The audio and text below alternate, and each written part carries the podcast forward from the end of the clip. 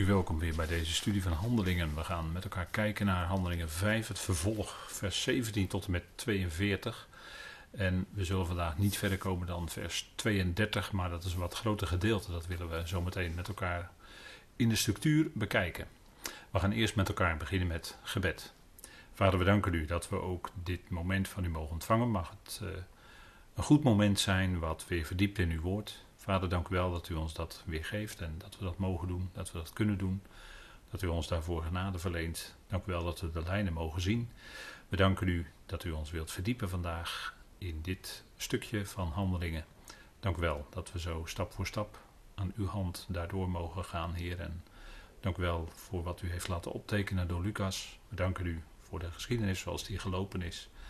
Dat we mogen weten, Heer, dat het uiterst betrouwbaar is overgeleverd dat het de waarheid is die ons gebracht wordt voor die tijd en ook voor de nabije komende tijd als het koninkrijk vader weer opgericht gaat worden. We danken u dat u ons daar zicht op geeft. We danken u dat we de schrift zo mogen lezen met onderscheid. Dank u voor de brieven van Paulus die voor deze tijd voor ons zo bijzonder van belang zijn.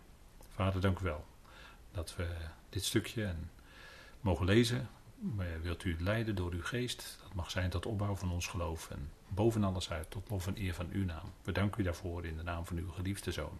Amen. Goed, wij willen met elkaar lezen en we gaan dan eerst even kijken naar de, naar de vorige keer. Nog heel even in herinnering brengend. Het laatste stukje dat we hebben gelezen is tekenen en wonderen en het effect daarvan was, wat we ook gelezen hebben in Handelingen 5 vers 16, allen werden genezen. Een geweldige tijd waarin het koninkrijk werd opgericht. En in Tenach had de Heer ook grote aardse zegen voor Israël beloofd.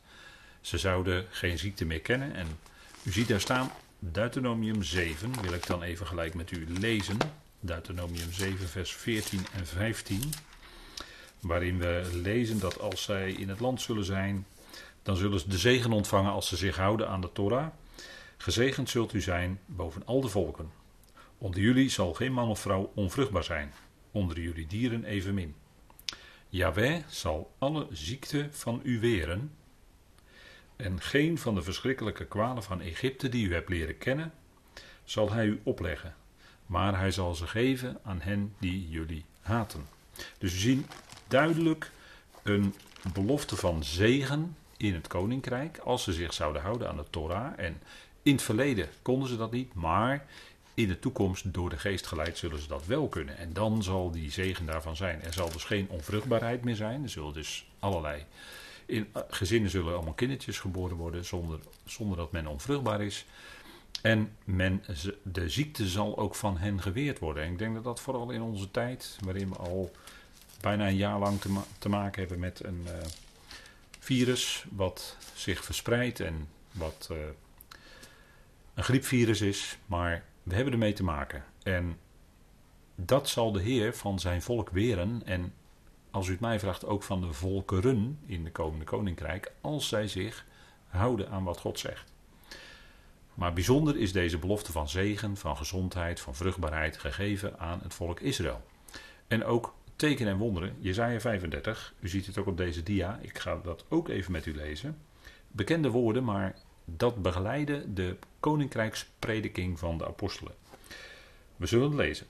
Jezaja 35, een geweldig gedeelte, vers 4 tot en met 6. Zeg tegen de onbedachtzame van hart, wees sterk, wees niet bevreesd. Zie uw God.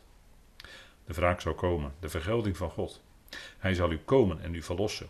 Dan zullen de ogen van de blinden worden geopend, de oren van de doven zullen worden geopend.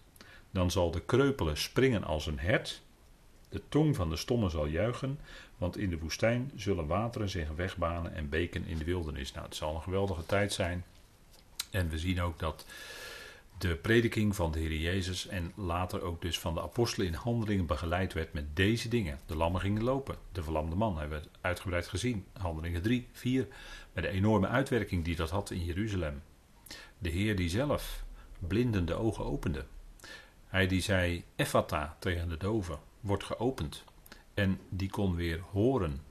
Nou, dat zijn natuurlijk geweldige dingen die we mogen lezen in de schrift. En die toen vervuld werden. Tekenen die de koninkrijksprediking begeleiden.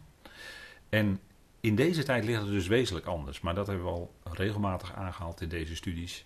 In deze tijd wordt de prediking van het evangelie wat voor nu geldt, verzoening en genade, wordt niet begeleid van tekenen en wonderen. Dat is ook nooit voorzegd. En dat is een enorm verschil. En daarover is enorm veel verwarring. En ik denk dat het daarom zo goed is als we de lijn duidelijk zien die vanuit Lucas, vanuit Matthäus, Marcus, Johannes, handelingen inloopt. Het is het koninkrijk. Het aardse koninkrijk dat aan Israël beloofd was. Op grond van de beloften aan Abraham. Allerlei profetieën hadden ervan getuigd. En we lezen hier ook in Jezaja dat koninkrijksprediking begeleid zou worden van die wonderen en tekenen. Maar zodra dat voorbij was, is dat niet zo. Afgelopen 2000 jaar, de gemeentegroepen, is het anders. Nou, Jezaja 65 wil ik ook nog even met u lezen. Inleidend voor vandaag. Dan gaan we snel weer verder in Handelingen 5. Jezaja 65, vers 19 en 20. Daar staat: En ik zal mij verheugen over Jeruzalem en vrolijk zijn over mijn volk. Geen stem van geween zal er meer in gehoord worden, of een stem van geschreeuw. Daar zal niet meer zijn een zuigeling die maar enkele dagen leeft, of een oude man die zijn dagen niet zal volmaken. Want de jonge man zal sterven als een honderdjarige. Maar een zondaar, al is hij honderd jaar, zal vervloekt worden. Nou, dat is helemaal zoals het zal zijn in het koninkrijk. Men zal daar hoge leeftijden bereiken. U leest het hier, hè? ik heb het wel eens uit mijn hoofd aangehaald, maar een jongeling geheten, die zal 100 jaar zijn. Moet je nagaan, dan is het nog een jongeling. En dan kijken we toch naar die leeftijden die men vroeger ook had. Zeker voor de grote vloed van Noach. Dat waren hele hoge leeftijden. En denk niet dat dat onmogelijk is. Nee, in dat komende koninkrijk op aarde zal dat weer ook zo zijn. Omdat er een aangename tijd is dan. Men, de akkers zullen veel meer vrucht opleveren. Uh, men zal veel meer kennis hebben van de natuur, van de kruiden, van, van alles wat in de natuur aanwezig is, tot genezing, tot heling. En dan hebben we niet meer kunstmatig gefabriceerde zaken nodig. Of dat al nodig zou zijn, is misschien ook nog maar de vraag. Maar dan zal dat zo zijn. Hè? Men zal niet meer voortijdig sterven. Maar als een ziel is die zondigt, dat zegt Ezekiel ook en dat geeft Jezaja hier in feite ook aan. Als men komt in opstand tegen Israël, tegen de Messias, ja, dan zal dat zelfs de dood tot gevolg kunnen hebben. Het zal ook een tijd zijn van waarin gerechtigheid regeert. Niet zo'n tijd van overstromende genade als we nu bijna 2000 jaar hebben gehad. Maar dan zal gerechtigheid regeren. Kenmerk van het koninkrijk. En natuurlijk is daar ook genade, maar niet zoals het in de afgelopen 2000 jaar was. Overstromende genade. Dat hebben we ook duidelijk gezien hè, bij de vorige keer bij Ananias en Safira. Die probeerden de Heilige Geest te bedriegen. Dat kon natuurlijk niet, maar met een enorm gevolg. Die dingen zullen ook in het komende koninkrijk weer werken, zulke krachten. Maar in de afgelopen 2000 jaar ligt dat dus duidelijk anders. Goed, Jezaja 65, vers 19 20. Ook fijne woorden, denk ik, voor Israël en voor de volkeren in het komende koninkrijk. Dat zal een geweldige tijd zijn. Nou, we gaan maar gauw verder lezen. Handelingen 5. En u ziet hier een overzicht op deze dia, vers 17 tot en met 42. Eerst het gedeelte waar we vandaag bijzonder mee bezig zijn, vers 17 tot en met 29. De leiders proberen de apostelen het zwijgen op te leggen. De prediking was te vrijmoedig en men moest zwijgen. 30 tot 32 het antwoord. De apostelen getuigen voor het Sanhedrin. De leiders willen de apostelen laten ombrengen. En de intentie, vers 34 van de leiders, gestopt door Gamaliel, notabene. Gamaliel. Bekend hè, van Paulus. Leiders probeerden de apostelen het zwijgen op te leggen. Vers 40, 41 en vers 42. Apostelen getuigen in de gewijde plaats en de huizen. Nou, zover komen we vandaag niet, maar we gaan het dan een volgende keer zien. Vers 17 lezen we: De hoge priester nu en allen die tezamen met hem waren, stonden op. Ze waren van de secte van de Sadduceeën en werden vervuld met jaloersheid. Dit is de reactie op de dingen die gebeurden. Het stukje wat, vorige keer, wat we vorige keer hebben gelezen, dat spreekt over de prediking, de tekenen en wonderen die ermee gepaard gingen. En dat was, had een enorme uitwerking in Jeruzalem, maar ook daarbuiten zullen die geruchten ongetwijfeld al gegaan zijn. Een enorme uitwerking. Dus nu En zeker nu die prediking doorging, nu ze merkten dat die apostelen vrijmoedig waren en dat tekenen en wonderen en de genezingen gewoon doorgingen. Ja, eh, nu stonden ze toch op, hè, de hoge priester, het erin, dat ze, ze zagen met leedwezen uh, wat daar allemaal gebeurde. En daar kwam dus een reactie. De Heilige Geest werkte door, en dat zien we steeds in handelingen.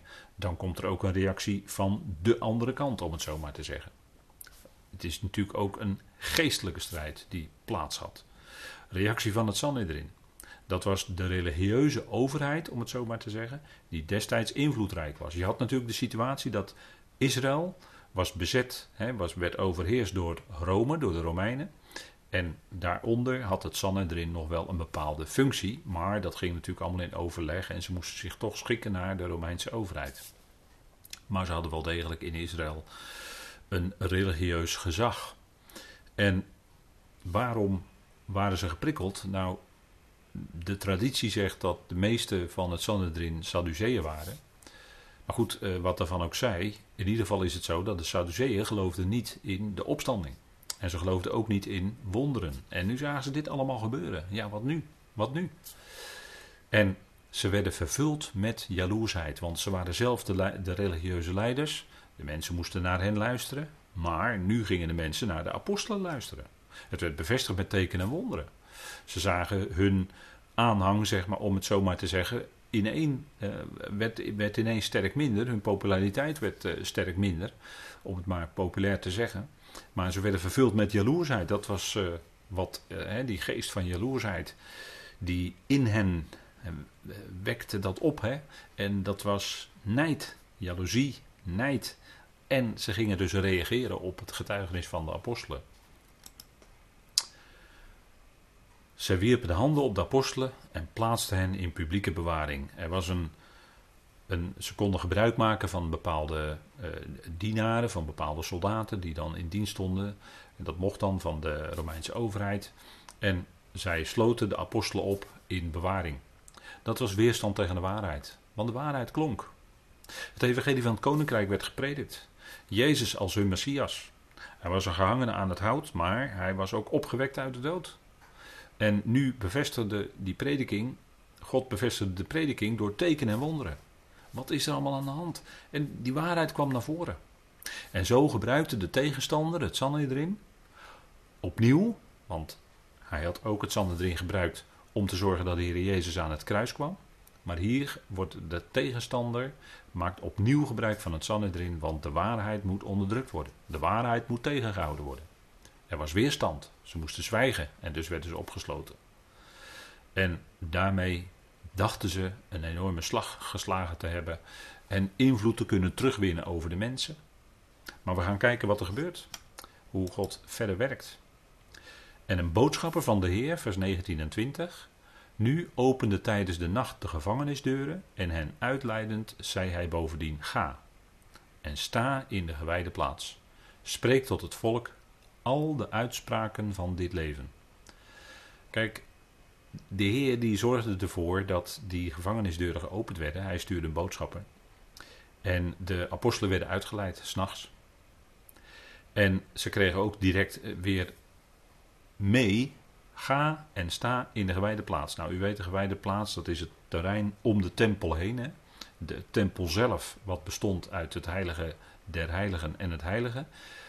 Daar niet, dat was de plaats voor de priesters en de levieten om te dienen. Maar in die gewijde plaats, dus het tempelterrein, daar spraken zij verder, moesten zij verder gaan spreken. En dat was ook conform de oorspronkelijke opdracht in Handelingen 1, waarin de Heer tegen hen gezegd had toen hij nog in hun midden was: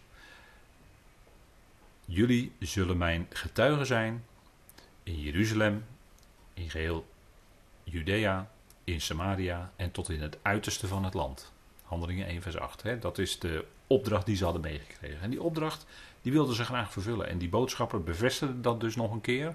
Ga en sta in de gewijde plaats en spreek tot het volk al de uitspraken van dit leven. En wat is dat al de uitspraken van dit leven?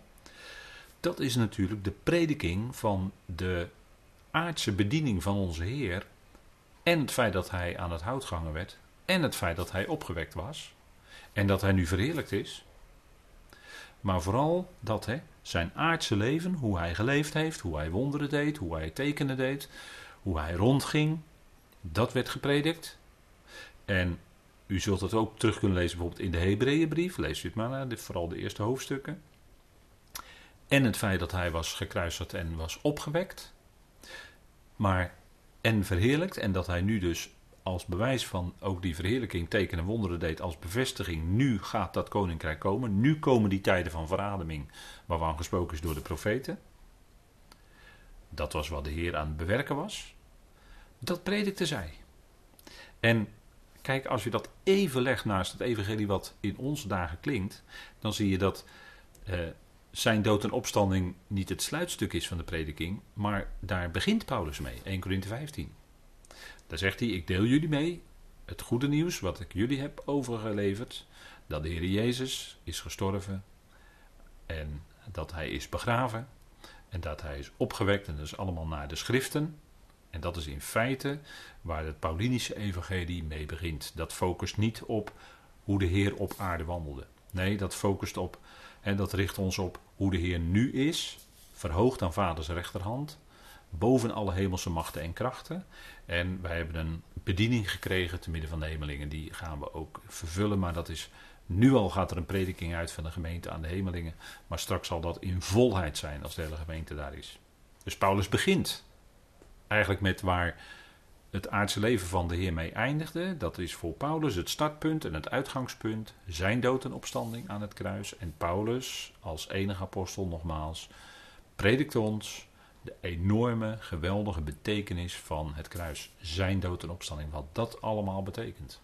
En dat lees je dus bij de besnijdenisapostelen niet, want die hadden een hele andere bediening. En dat is allebei naast elkaar, is dat waar. Waar voor die tijd en waar voor de komende tijd, als het gaat om het koninkrijksevangelie, en waar voor deze tijd is datgene wat Paulus spreekt in zijn brief. Dus je ziet een duidelijke verschil in lijnen. Dus al de uitspraken van dit leven, dat is dit leven wat de Jezus geleefd heeft, zijn dood en zijn opstanding. Heel duidelijk hè. En dan zien we ook die eerste en tweede bevrijding uit de gevangenis. De eerste keer werd, hè, werd Gods kracht getoond in de genezing van de verlamden. En werden zij weliswaar wel in hechtenis genomen, maar de volgende dag liet het Sanhedrin hen weer gaan. Omdat Gods kracht zo duidelijk getoond was in die genezing. En bij die tweede bevrijding zien we dat God vooral het onvermogen van het Sanhedrin laat zien. Want zij werden opgesloten in de gevangenis. Maar s'nachts stuurde de Heer een boodschapper en ze werden bevrijd. En het Sanhedrin was onmachtig. Ze stonden de volgende dag gewoon weer te spreken van het evangelie, van het goede nieuws. Dat is denk ik even goed om naast elkaar te zien. Hè? Goed, gaan we verder naar vers 21. En daar staat, dit nu horend, kwamen zij in de vroegte binnen in de gewijde plaats en gaven onderricht. De hoge priester nu en zij die tezamen met hem waren, arriveerden en riepen het Sanhedrin en heel de seniorenraad van de zonen van Israël samen. En vaardigden af naar de gevangenis om ze voor te leiden. Kijk, wat de apostelen hier doen is, in weerwil van de tegenwerking, de tegenstand door het Sanhedrin, zij doen wat de Heer hen opdroeg. wat we ze net al even aanhaalden uit Handelingen 1 vers 8. Jullie zullen mijn getuigen zijn in Jeruzalem, in Judea, in Samaria en tot het uiterste van het land. En dat waren ze bezig. En dit was nog allemaal Jeruzalem. Dit was in feite nog de eerste aanzet. En dat wat verder zullen we nog lezen. Maar ze doen wat de Heer hen opdroeg. En zo gebruikt de Heer ook de apostelen om de leiders van het volk, dat is heel belangrijk, opnieuw te laten luisteren naar dat koninkrijksevangelie. Naar dat goede nieuws in zaken het koninkrijk. En menselijkerwijs gesproken zou het Sanhedrin, zou die seniorenraad toen die boodschap aanvaard hebben en berouw hebben getoond tot vergeving van zonde, dan had menselijkerwijs gesproken het koninkrijk aangebroken. Dus hier opnieuw is een, uh, hebben we eigenlijk een, een, belangrijk gedeelte waarin ehm, eh, er een clash is tussen eh, de, de oude leiders van het volk en de apostelen die nieuw waren ingezet in Israël. En wat gaat er nu gebeuren? Hoe zal het nu gaan? Want zij gingen gewoon de volgende dag weer verder. En natuurlijk was het Sanhedrin verbijsterd. Maar ze werden opnieuw voorgeleid. Ze moesten opnieuw tekst en uitleg gaan geven. De dienaren echter arriveerden en vonden hen niet in de gevangenis. Omkerend nu berichten zij, zeggend: De gevangenis vonden wij gesloten in alle zekerheid, en de wachters staande voor de deuren. Maar ze openend vonden wij binnenin niemand. Verbijstering. Ze waren weg. En de wachten hadden niks gemerkt. De deur was niet opengegaan. En dat woord dienaren hier is letterlijk het woord onderroeiers.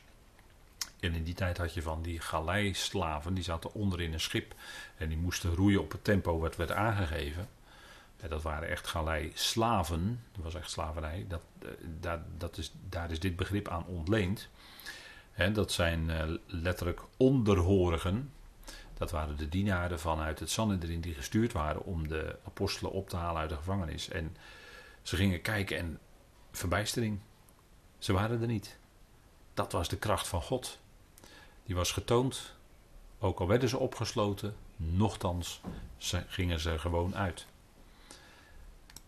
Ze waren bevrijd. En toen ze nu deze woorden hoorden, waren zowel de hoofdman van de gewijde plaats als de hoge priesters ontsteld over hen, wat hiervan worden zou. En dat ontsteld zijn, dat was ook dat, dat komt een keer of vier voor, die, eh, die, eh, dat woord ontsteld. dat is uh, hevig bewogen zijn. Ineens van verbijsterd, wat is hier aan de hand? Ze waren helemaal van hun stuk gebracht. Ontsteld, dat was ook Herodes, lezen we in Lucas 9, vers 7, moet u maar eens nalezen. En Handelingen 2. Toen zij spraken ineens in andere talen.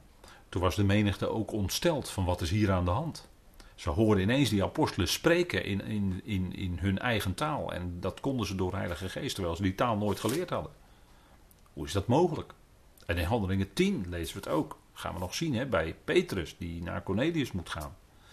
En wat hij dan te zien krijgt, om hem te overtuigen dat hij toch moet gaan naar Cornelius. Die heidense hoofdman.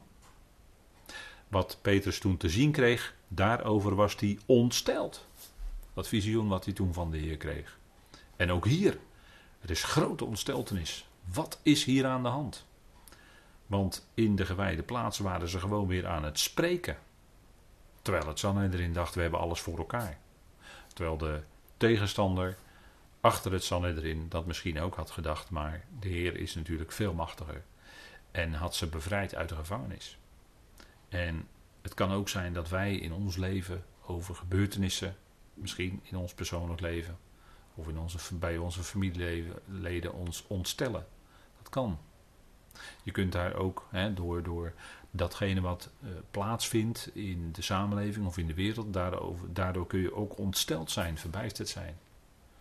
Maar besef dat, hè, wat hier ook uit blijkt, dat God werkelijk alles in zijn hand heeft. En als hij die apostelen wil laten doorgaan met dat spreken, dan bevrijdt hij ze via een boodschapper uit de gevangenis. God heeft gewoon alle touwtjes in handen. Ook in onze tijd. En ik denk dat dat, als we ons eh, misschien soms bang de angst om ons hart slaat, dat we bemoedigd worden door deze dingen, dat we beseffen, God heeft het werkelijk in zijn hand. En ja, dan moet je toch regelmatig terugdenken aan die bekende woorden uit Spreuken 3. Vertrouw op de Heer met heel je hart. En steun op je eigen inzicht niet. En dan gaat het eigenlijk ook verder in Spreuken 3, vers 6. Ken hem in al je wegen, dan zal hij je paden recht maken. De weg die je moet gaan, misschien door omstandigheden gedwongen, of misschien door wat je afspreekt of wat je overweegt, wat, wat je meent, wat het goed is in, in bepaalde omstandigheden te doen. Kunnen we met de Heer bespreken toch? Hij is degene die ons leven leidt. We leven in afhankelijkheid van Hem. En dan is het goed, hoe het ook gaat. Misschien gaat het soms heel hoog of soms heel diep. Staan we onder druk of zelfs grote druk. Nochtans, de Heer is nabij. Hij bemoedigt ons met dat woord. En steeds weer leren we dat we inderdaad met heel ons hart op Hem kunnen vertrouwen. En we hoeven niet op ons eigen inzicht te steunen. Bespreek het met Hem. Hij doet wat goed is. Hij werkt alles uit naar zijn plan. Ook in deze tijd waarin wij leven. Het gaat niet buiten hem om. Hij heeft je lief. Nou, dat gold ook voor die discipelen apostelen. Hij had ze enorm lief en hij zette ze in in zijn bediening, in zijn dienst. En dat is wat, uh, ja, wat uh, soms bij de tegenstander dan tot ontsteltenis leidt. Hè, vers 25. Iemand nu die langskwam berichtte hen: Zie, de mannen die jullie in de gevangenis geplaatst hebben, staan in de gewijde plaats en onderwijzen het volk. Dat was de oorzaak van hun jaloezie. Zij onderwezen het volk. En dat was met de waarheid, de waarheid van het koninkrijksevangelie. Werden zij onderwezen. En dat wekte bij hen nijd en jaloezie. En dat was ook een bewijs, hè, wat we al eerder aangegeven hebben daarnet, dat God zelf achter deze apostelen staat en hen gebruikt. Ze zijn uit de gevangenis bevrijd. En dat had ook voor het Sanhedrin. Die de schriften bestudeerden. Die de, zo goed waren met de tradities. Die hadden kunnen zien, kunnen beseffen. Wacht eens even, hier is iets groots aan de hand. Dit zou wel eens kunnen zijn dat onze God, Jaweh, dat die aan het werk is. En dat die die mensen gebruikt. Maar het bleek toch anders te zijn. Maar wij lezen hieruit, hè, geestelijk gezien, dat God bezig was hier om zijn plan te voltrekken. En dat hij laat zien, wacht even, ik sta achter die apostelen, ik geef hen de kracht. En ze gaan opnieuw spreken. Die kracht om opnieuw te spreken nadat ze in de gevangenis waren geweest, die konden ze alleen maar door de Heilige Geest hebben. Dat kun je niet vanuit jezelf. Want als je in zo'n gevangenis wordt geworpen, is dat heel intimiderend. Is dat heel beperkend. En dan normaal gesproken laat je de volgende keer wel uit je hoofd om te gaan spreken. Maar zij waren geleid. Ze hadden kracht, bijzondere kracht door Heilige Geest. Ze werden daarmee vervuld. En ze konden daarom spreken. En dat is ook met uh, ons wat Paulus tegen ons zegt. Hè. Wordt vervuld met Heilige Geest. En spreekt tot elkaar. In psalmen, hè, de snarenspel met snarenspel, lofzangen, geestelijke liederen. En spreekt elkaar vanuit die genade in je hart. Spreek daar met God over. Maar als die genade in je hart is, dan kun je ook met elkaar spreken vanuit die genade. En dan is het dus zo anders. Nou, ik denk dat dat fijn is, hè, wat geest bij ons uitwerkt, de Heilige Geest. Toen ging de hoofdman heen, vers 26, tezamen met de onderhorigen en leidde hen, maar niet met geweld, want ze vreesden het volk, opdat ze niet gestenigd zouden worden. Dus nu lieten ze opnieuw die apostelen komen, maar dat deden ze heel behoedzaam, want ze waren bang voor het volk. Ze waren bang voor de reacties. Want er gebeurden genezingen. De apostelen stonden op dat moment in zeer hoog aanzien bij het volk. En dat konden ze niet zomaar terugdraaien. Ze waren jaloers. En ze wilden ze toch inrekenen en vragen wat er nou gebeurd was. Kijk, zij vreesden het volk, staat hier. Hè? Dat was wat hen leidde. Dat was hun beweegreden om dit te doen. Let op dat er dan dus niet staat, zij vreesden God. Nee, zij vreesden meer voor mensen dan voor God. En dat leidde hen. En zo brachten ze heel behoedzaam, zonder geweld. En in onze dagen, nog recent, hebben we toch in ons land wel iets anders gezien als mensen uh, reageren op uh, maatregelen. Maar hier ging het niet met geweld. Ze vreesden het volk. Maar ze vreesden dus niet zozeer God. Hè. Dat was voor hen minder belangrijk. Het ging hen om aanzien. Het ging hem om de eer. Het ging hem om de positie die ze hadden. Die wilden ze vasthouden. Heel menselijk, zegt u misschien. Ja, maar ze, ze hadden kunnen kijken. Wat gebeurt daar? Wie is daar aan het werk? Maar ze waren daarvoor kennelijk toch verblind. En hen geleid hebben, deden zij staan in het Sanhedrin. En de hoge priester vroeg hen na, zeggend: Droegen wij aan jullie niet de opdracht op niet te onderwijzen in deze naam? En zie, jullie hebben Jeruzalem gevuld met jullie onderwijs. En jullie hebben de bedoeling over ons het bloed van deze mens te brengen. Wat een aantijging. Wat een aantijging. Maar ongetwijfeld zullen ze, zal hun geweten gesproken hebben toen ze die dingen hoorden. Die aantijging kwam voort, we hebben het gezien, uit jaloezie. Het staat er, hè. En zij, terwijl de apostelen juist integendeel de redding in hem, in die naam spraken. Ook tot het Sanhedrin. Daar lag hun redding in. Maar ze waren kennelijk in hun geweten aangesproken. Want was het niet zo?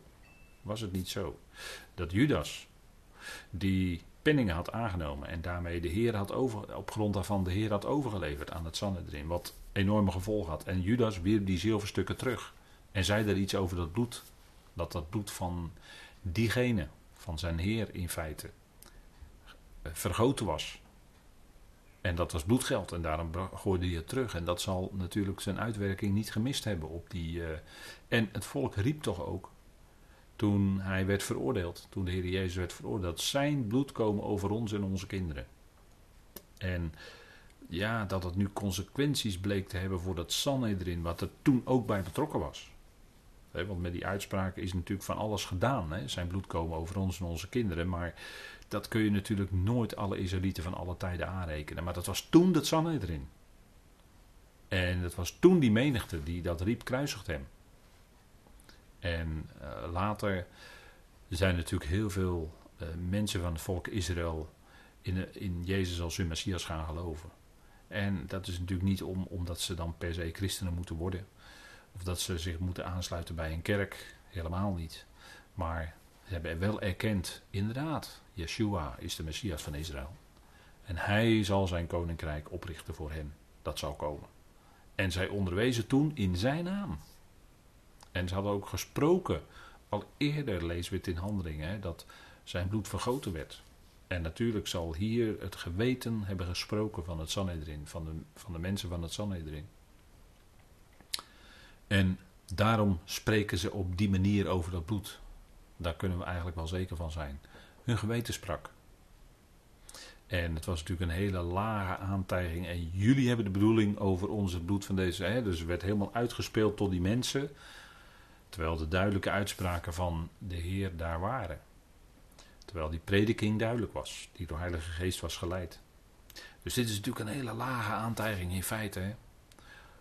En ze hadden hen opgedragen niet te onderwijzen in deze naam, maar zij konden niet zwijgen. De opdracht was ook dat zij zouden getuigen.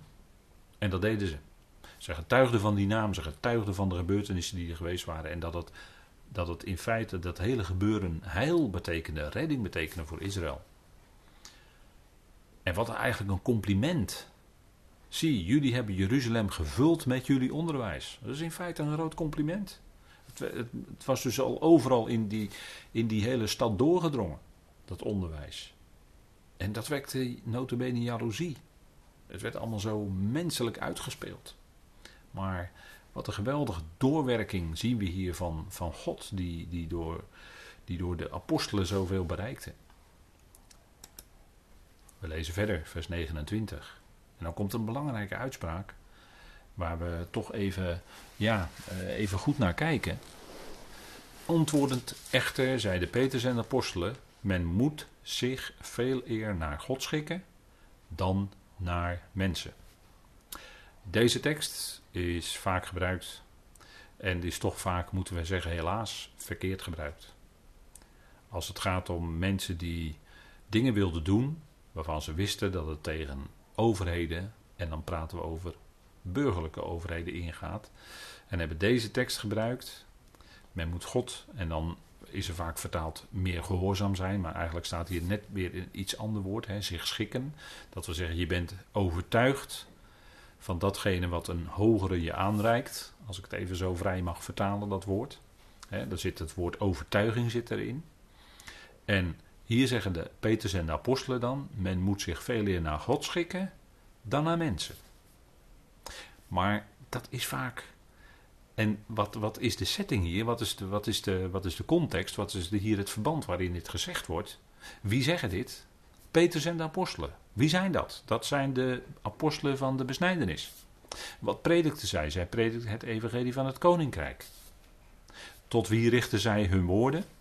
Tot de religieuze leiders van hun dagen. En dat was niet in die dagen de burgerlijke overheid, want dat waren de Romeinen. Dus in die setting en met het feit dat dat koninkrijk ook zou kunnen komen, predikte zij uit naam van de hoogste koning. Die hoger was dan Pilatus, die hoger was dan Herodes, die hoger was dan de keizer in Rome. En dat als dat koninkrijk zou doorbreken, bij wijze van spreken, als het volk zich bekeerd had, dan had de Heer Jezus gekomen als de koning van de koning. En weet natuurlijk achteraf dat het is uitgesteld. Maar hij gaat wel komen, dat, dat zien we in de studies openbaring. Dat hij gaat komen als de koning van de koningen en de heer van de heren. En zij predikte toen in naam van die koning. Dus ze hadden een hele hoge positie in feite.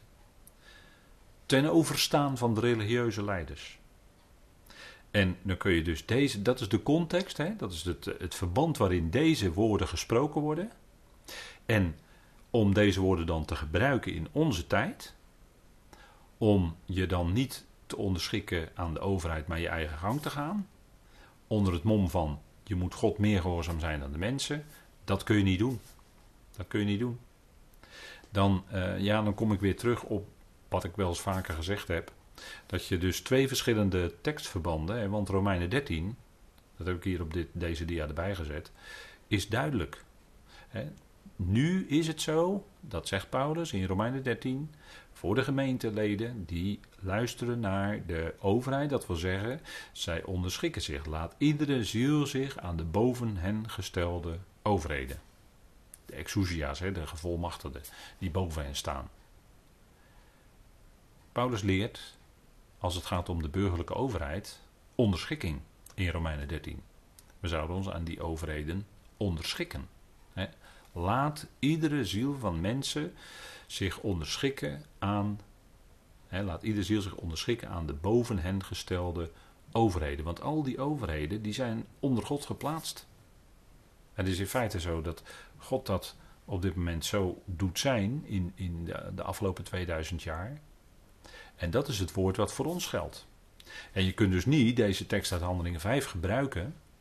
Bijvoorbeeld wat uh, Anne van der Bijl destijds deed, hè, van uh, de organisatie uh, die nu heet Open Doors. Die ging bijbels smokkelen naar Oost-Europa. En dat deed hij onder andere onder het mom van deze tekst. En hij had een boekje ook uitgegeven. En ik weet niet of dat in het Nederlands vertaald is geworden. Maar dat is toen in Amerika uitgegeven. Dat heette God's Smuggler. Dat wil zeggen, Gods smokkelaar. En dat, dat punt van dat hij eh, toen de tijd, toen het ijzeren gordijn er nog was, eh, bijbels smokkelde in auto's naar Oost-Europa, was omdat de overheid niet wilde dat er zomaar bijbels ingevoerd werden. Of men moest invoerrechten betalen. Dus het was heel moeilijk om bijbels binnen te brengen. En dat was ook een zeker risico. Dus ging men dat in auto's verbergen. En zo de grens over. En dat was natuurlijk heel spannend. Maar je kunt dus niet deze tekst uit Handelingen 5 vers 29 gebruiken voor dat soort uh, activiteiten. En zo is dat meer gedaan. er zijn tegenwoordig uh, strenge regimes in de wereld. Communistische overheden. Waarin het uh, samenkomen als gelovigen heel erg wordt beperkt. Aan heel veel restricties en voorwaarden wordt gebonden. En je, we hebben ook gezien, eh, zeker in de tijd dat het ijzergordijn nog niet gevallen was, dat men eh, zich daar dan ontrok. En dat had gevolgen. Dat had gevolgen. En men beriep zich dan bij gelegenheid wel op deze tekst. Maar dat kun je niet doen. Dat kun je niet doen. Dat zijn twee verschillende dingen. Hier gaat het om een religieuze leiderschap over Israël, het zal erin. En in onze tijd hebben we het over de burgerlijke overheden. En daaraan onderschikken, zegt Paulus. Romeinen 13 duidelijk. Hè? We hebben onlangs in uh, de laatste UR die verschenen is, uitzonderlijke rijkdom, dat blaadje. En als u het niet heeft ontvangen of als u het zou willen uh, bestellen, dan kan dat, laat het weten. Maar daarin is een heel nummer gewijd aan, het laatste nummer is helemaal gewijd aan onderschikking. En ook het punt van uh, gehoorzamen komt aan de orde. Ik denk toch, als u daar wat verder in wil verdiepen, goed om te doen. Want dat raakt dus dit onderwerp waar we het nu even dan over hebben, naar aanleiding van deze tekst in Handelingen 5. En kijk, het punt is dat uh, Titus, Paulus dat in Titus 3 vers 1 nog eens onderstreept. En hij zegt tegen Titus, Titus, jij moet doorgeven aan, uh, aan de Cretensen uh, dat ze zich ook onderschikken aan de overheden. Want dat was kennelijk daar ook een moeilijk punt. Maar men zou zich onderschikken aan de burgerlijke overheid.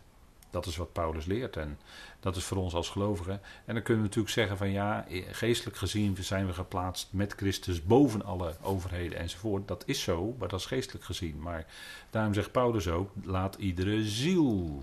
En we zijn nog ziel zolang we hier op aarde zijn. Als gemeenteleden. En hebben we met die overheden die boven ons gesteld zijn te maken. En dan is het punt voor ons van belang. Met één woord kunnen we het samenvatten: onderschikken. Dus dat zijn twee verschillende dingen. Ik denk dat het heel belangrijk is, hè, vandaar dat we ook even wat langer bij stilstaan. Dit is een heel belangrijk punt. En hoe dat precies in welk land en met welke overheid en met welke dingen, hoe zich dat precies in de praktijk uitwerkt tot in de details, ja, dat is voor iedere gelovige de weg om te bewandelen. Maar de uh, duidelijke richtlijn die we van de apostel Paulus hebben is onderschikken. En ik denk dat dat een uh, goed punt is. Dat we dat uh, weer goed met elkaar even kunnen vaststellen. Hè. Dat is het woord wat gebruikt wordt. Hè. Paulus gebruikt het woord hypotasso. Hè. Dat is onderschikken in de Romeinen 13 als het gaat om de overheid. ik denk dat het goed is om met elkaar zo te zien. En dan hebben we het probleem van die twee contexten. En wat men dus gedaan heeft, is dus het ene gedeelte, handelingen 5, laat men op zekere momenten, en misschien mag ik wel zeggen, als het hun goed uitkomt, prevaleren boven wat in Romeinen 13 staat. En dat kun je niet doen. Dat kun je niet doen. Dan, zit je weer met het kwestie van die verschillende tekstverbanden. Dan laat je dus de betekenis van het ene tekstverband, Romeinen 13, verdwijnen achter het andere tekstverband van Handelingen 5. En dat kun je niet doen. Dat kun je niet doen. Want dan ga je beide teksten schade aandoen. Dan, ga je de, juiste betekenis eraan onttrekken. Nee, laat het staan in het verband waar het in staat. Wat is er aan de hand? Wie spreken er? Wie luisteren? Wat is de context? Ontzettend belangrijk, hè? Ook voor hele praktische dingen dus van ons dagelijks leven. Zeker, daar spreekt de schrift over. Goed, we gaan uh, verder naar vers uh, eh, 30 inmiddels. De God nu van onze vaderen heeft Jezus opgewekt, aan wie jullie de hand hebben geslagen, hem hangend aan het hout. En jullie, ja, dat is uh, die gevangenen. En eigenlijk is het merkwaardig wat hier gebeurt, hè. Kijk, ze gaan direct verder. De God nu van onze vader heeft Jezus opgewekt, aan wie jullie de hand geslagen hebben, hem hangend aan het hout. Hier spreekt Petrus de waarheid. En jullie, kijk, hij spreekt Petrus, hè, dus alles wordt nu even omgekeerd. Petrus spreekt het Sanhedrin aan en wat zegt hij? Als, als gevangene, in feite, op dat moment nog heel even. Ze waren gevangen genomen, maar zij worden nu, Petrus wordt nu een richter. Hij spreekt nu het gericht uit over dat Sanhedrin. Dus het is precies een omkering. Het Sanhedrin wat hen richt en in de gevangenis plaatste, worden nu door diezelfde gevangenen gericht. En de leiders, die richters van daarnet, van nog een dag eerder, worden nu zelf veroordeeld. Hij zegt, Jezus is opgewekt. Geweldige boodschap, hè? De God nu van onze vaderen. Dus dat is de God, Yahweh, de God van Israël. Die heeft Jezus opgewekt. En jullie hebben de hand aan hem geslagen. Ze hebben hem overgeleverd aan de Romeinen. Tuurlijk, technisch gesproken, de Romeinen hebben hem gekruisigd. Maar het wordt gerekend, aangerekend hier aan die leiders van Israël. Hè? Aan het toenmalige Sanhedrin. Aan wie jullie de hand geslagen hebben, hem hangend aan het hout. En hangend aan het hout, dat is natuurlijk een, een uitspraak Waar in feite ook in doorklinkt, en dat, dat wordt door Paulus heel duidelijk in gelaten 3 aangegeven, dat de vloek van de wet, de, de vervloeking van de Torah, was over een aan het hout gehangene. Paulus citeert in gelaten 3 Deuteronomium 21, waarin het gewoon zo staat. Vervloekt is een aan het hout gehangene. En daarom zegt Paulus in gelaten 3 vers 13 dat de vloek van de Torah op de aan het hout gehangene kwam. En dat heeft hij gedragen, zegt hij daar. Hij heeft het voor ons gedragen. Allereerst voor Paulus zelf en zijn mede-Joodse mensen. Heeft hij die vloek, heeft de Heer Jezus die vloek gedragen aan het hout. En heeft dat zo daardoor bevrijding gegeven. Want hij heeft het gedragen. En dat is natuurlijk het geweldige wat in gelaten dan doorklinkt. Hè? Nou, we, we kijken naar. Uh, vers 31, en dan gaan we bijna afronden voor, voor deze keer. Deze overste leidsman en redder, dat is de Heer Jezus natuurlijk, heeft God verhoogd aan zijn rechterhand. Om berouw te geven aan Israël en vergeving van zonde. Hier was de bevrijding, hier had het Sanhedrin op in kunnen gaan. Ze konden berouw tonen en zo vergeving van zonde ontvangen. Ook van die zonde dat zij de Heer gekruisigd hadden. Aan het hout gehangen hadden. En dan had menselijkerwijs gesproken het koninkrijk kunnen aanbreken. dit is een cruciaal punt hier. Deze overste leidsman en redder heeft God verhoogd aan zijn rechterhand. En als consequentie daarvan kon Israël tot berouw komen, tot bekering komen, tot inkeer komen en dan vergeving van zonde ontvangen. Geweldig. Dat is de prediking helemaal van het koninkrijk. En dat is zo heel anders dan de prediking die Paulus voor ons heeft. Dat is rechtvaardiging om niet in zijn genade. Dat is een hele andere lijn van waarheid die vandaag geldt. Maar hier gaat het om Israël. Koninkrijksboodschap is vergeving van zonden. Dat hadden Heer Jezus ook gepredikt. Dat predikte de apostelen. En dan had menselijkerwijze gesproken het kunnen gaan beginnen. En waar is erop ingegaan? Het is natuurlijk een geweldig woord hier wat eh, Peter spreekt in die, die context, in die setting. En hij zegt, zowel wij zijn getuigen van deze uitspraken als ook de Heilige Geest, die God gegeven heeft aan hen die zich schikken naar Hem. En zien we ook, kom tot inkeer, heb berouw, laat je dopen en je zult de gave van de Heilige Geest ontvangen. Nergens wordt gezegd, nogmaals, dat die Heilige Geest ook in de geloven kwam wonen. Dat niet. Maar ze konden die Heilige Geest wel ontvangen als een kracht die op hen kwam en die hen uh, zou, uh, inzicht zou geven en begeleiden. En dat is natuurlijk het geweldige wat hier wordt aangezegd in het Sanhedrin. En wat, ja, hier hangt eigenlijk alles vanaf, zou je kunnen zeggen, als het Sanhedrin erop in was gegaan. Nou, daar gaan we de volgende keer naar kijken. We gaan de Heer danken.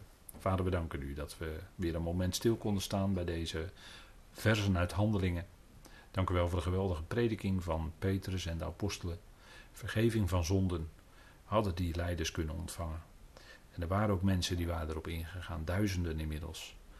U deed, Heer, door hen handen tekenen en wonderen. Zo anders dan in deze tijd.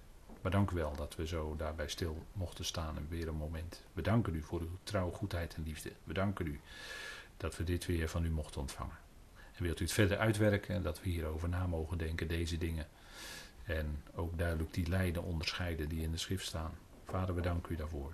Dat u ons dat geeft. We danken u voor die geweldige prediking dat uw zoon is opgewekt uit de doden. Dat hij nu aan uw rechter verheerlijkt is. Vader, dat is geweldig. En we danken u dat het nu zo is en dat we daarvan mogen genieten van die geestelijke zegeningen die hij ons geeft. Vader, we danken u dat we in Christus gezegend zijn, inderdaad, met iedere geestelijke zegen, te midden van de hemelsen. Vader, we hebben geen aardse beloften. We hebben geen aardse zegeningen beloofd gekregen. Maar u geeft ons veel meer geestelijke zegeningen in Christus Jezus. Wat geweldig is dat. Vader, we danken u daarvoor. We danken u zo voor wat u wilde geven. We loven en prijzen u in die machtige naam van uw geliefde Zoon. Amen.